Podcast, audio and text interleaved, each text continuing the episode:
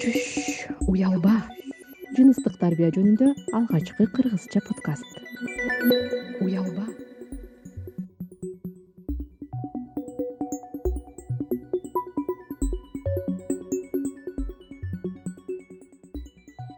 Салам биринчиден мээрим бабур. Мага интервью бергенге макул болгонуңар үчүн рахмат. Баштаардан мурун эле силерди ким деп тааныштырайын? Менин подкаст угуучуларыма өзүңөр жөнүндө айтып берсеңер саламатсыңарбы менин аты жөнүм мээрим мен студентмин. Жана жакшы маек түзөбүз деген ишеничтемин. Салам достор. Менин атым бабур. Мен болсо окуучумун. Мен абдан кубанычтамын чакырганыңар үчүн. Рахмат. Силерге.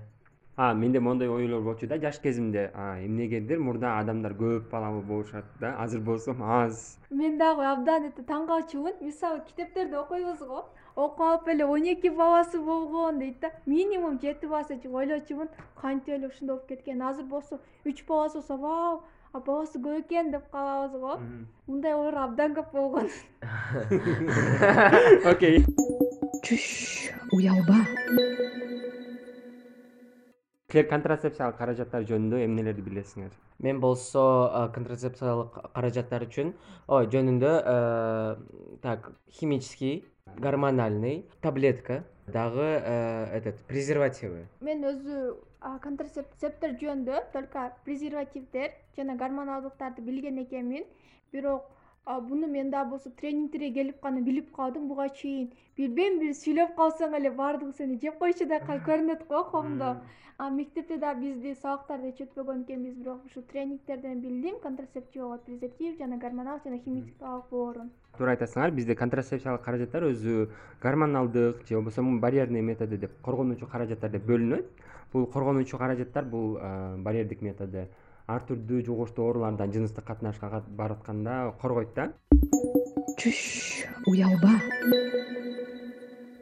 Бул вич жана анын күчөп кеткени спид болуп ага чейин болсо это иппп деген балдар бар гонорея сифилис деген ооруларды укканмын негизи э, эң сапаттуу контрацепциялык каражат бул жыныстык катнашка барбоо экен да. Мисалы азыр карап көрсөм силер аябай көп нерселерди билет экенсиңер да мендей контрацепциялык каражаттар жөнүндө. Анан силердин дагы тең туштарыңар университетте мектепте кошо окуган досторуңар деле ушундай алар деле ошондой нерселерди билишетпи силер билген эле нерселерди. Менин оюмча жок э, классташтарым э, абдан алар уялышат мен дагы биз уже студент болуп калдык үй бүлө куруп жатат көбү да бирок ушул жөнүндө сүйлөй баштаганда ай кой мээрим сен кызсың го эмне болуп атасың секин сүйлө секин сүйлө деп башталат да анан алар менен. Балким билиши мүмкүн бирок менин оюмча көбү билишпейт. Анткени баягы биринчиден тенелер айтпайт мектепти чакырсак өтпөйбүз анан тренингтерге катышып билип видеолорду ачып көргөндө да уябышат баардыгы мисалы мисалы э, бизде көбүнчөсү коомчулукта үй бүлөдө мектепте айтпайт атабыз да контрацепциялык каражаттар жөнүндө же болбосо репродуктивдик здоровье жөнүндө бизге билимдерди бербейт деп атабыз да. Силер жаш болуп ушул нерселерди билет экенсиңер силерге бул жаш адам катары эмне үчүн бул билимдер силерге керек деп ойлойсуңар? Биринчиден бул мен ойлойм ден соолугуң үчүн деймин. Мисалы жыныстык э, катнашта сенин партнеруң кандай орун менен ооруурун билбейсиң да анан биринчиден өзүңдү сактайсың. Экинчиден болбосо үй бүлөнү пландоодо мисалы непланированная беременность дейт го бул көп нерсеге алып келиши мүмкүн өзүң ден соолугуңа камы көрүш үчүн баардык ушул нерселерди билишиң керек дейт. Болбосо кийин оору жуктуруп алганда же каалабай боюңда болуп калса бул көптөгөн терс натыйжаларга алып келиши мүмкүн менин оюмча бар жообуз он төрт жашта подростковый период болот.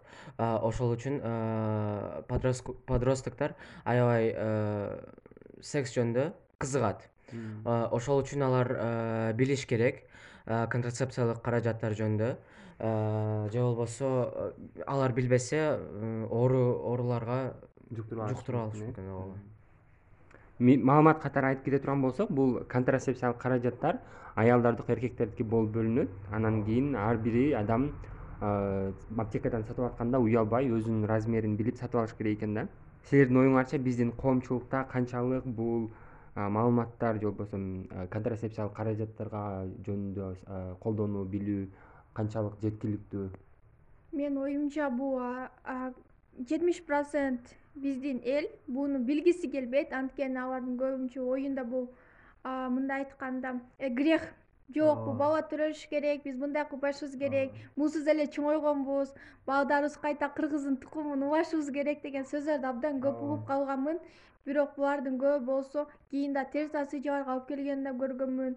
Жанагы ушу биздин эл муну билгиси келбейт да. Мисалы көптөгөн тренингдер уюштурушу мүмкүн мектепте дагы ушул сабактарды киргизиш абдан маанилүү сүйлөш маанилүү бирок көбү билгиси келет анткени алар уябышат жана бул темадан оюмча коркушат. Менин оюмча адамдар биздин адамдарда стереотип абдан көп.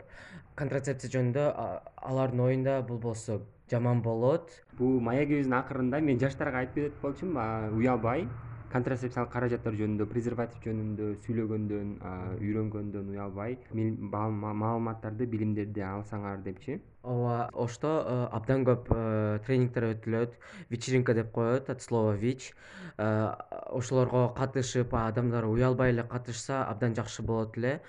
Себеби аларга бул керек нерсе. Ошону айткым келет мен бул нерсени баардыгы билиши керек деп ойлоймун бала он төрт жашка чыккандан кийин анткени бул биринчилигинен ушул жаш баланын жана жаш адамдын ден соолугу жөнүндө кеп болуп жатпайбы. Биринчиден эгер өзүңдүн ден соолугуңа кам көрсөң өзүңдүн келечегиңди ойлосоң сен контрацепцияны билишиң керек деп ойлойм. Жана ата эне өз баласын ойлосо ага аны айтып жана мектептерде тренингдерде канча көп сүйлөсө баардык адамдарда и бул коркунучтуу эмес эч кандай уят эмес бул биздин өмүрүбүздө болуп жаткан нерсе катары кабыл алышы керек деп ойлоймун чоң рахмат силерге чоң рахмат сизге деле чоң рахмат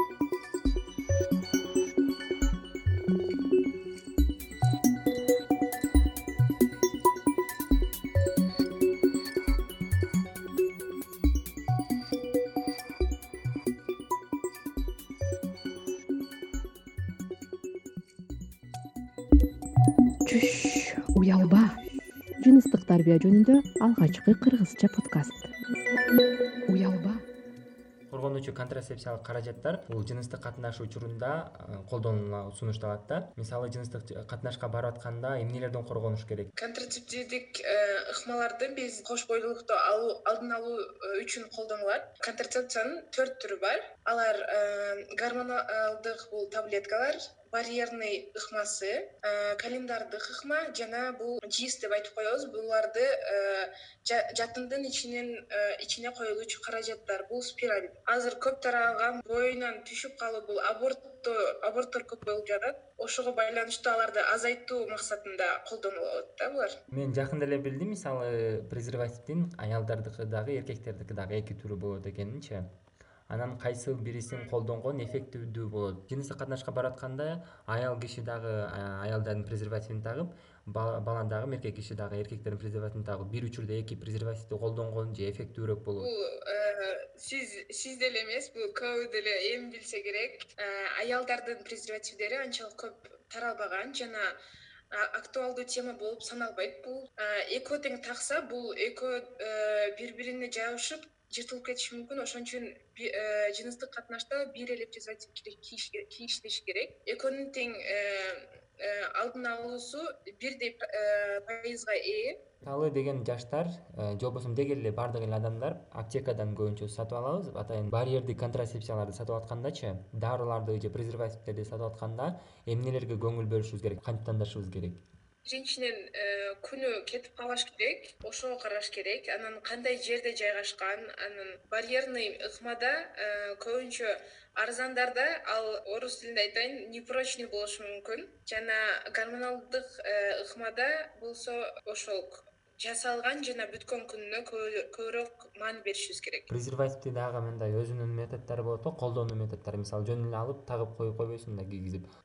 кийүү кийгенде спермага деле өзүнүн местосуна коюш керек койбой калса ал жыныстык катнашта жыртылып кетиши мүмкүн. Анан аялдын боюнда болууга чоң мүмкүнчүлүгү жогорулап калат э ыктымалдуулугу ооба ооба чогуусу жогорулап калат. Сага интервью бергениң үчүн чоң рахмат айдай. Сага ийгилик каалайм. Сизге деле чоң рахмат рахмат бүгүнкү чыгарылышыбыз контрацепциялык коргонуучу каражаттар жөнүндө болуп аны мен маматказы расул уулу даярдадым. Маектешим айдай сатыбалдиева болду. Кийинки чыгарылыштардан угушканча аман болуңуздар. Чүш уялба. Жыныстык тарбия жөнүндө алгачкы кыргызча подкаст. Уялба. Жыныстык тарбия темасындагы менин подкаст долбоорума сорос кыргызстан фонду көмөк көрсөттү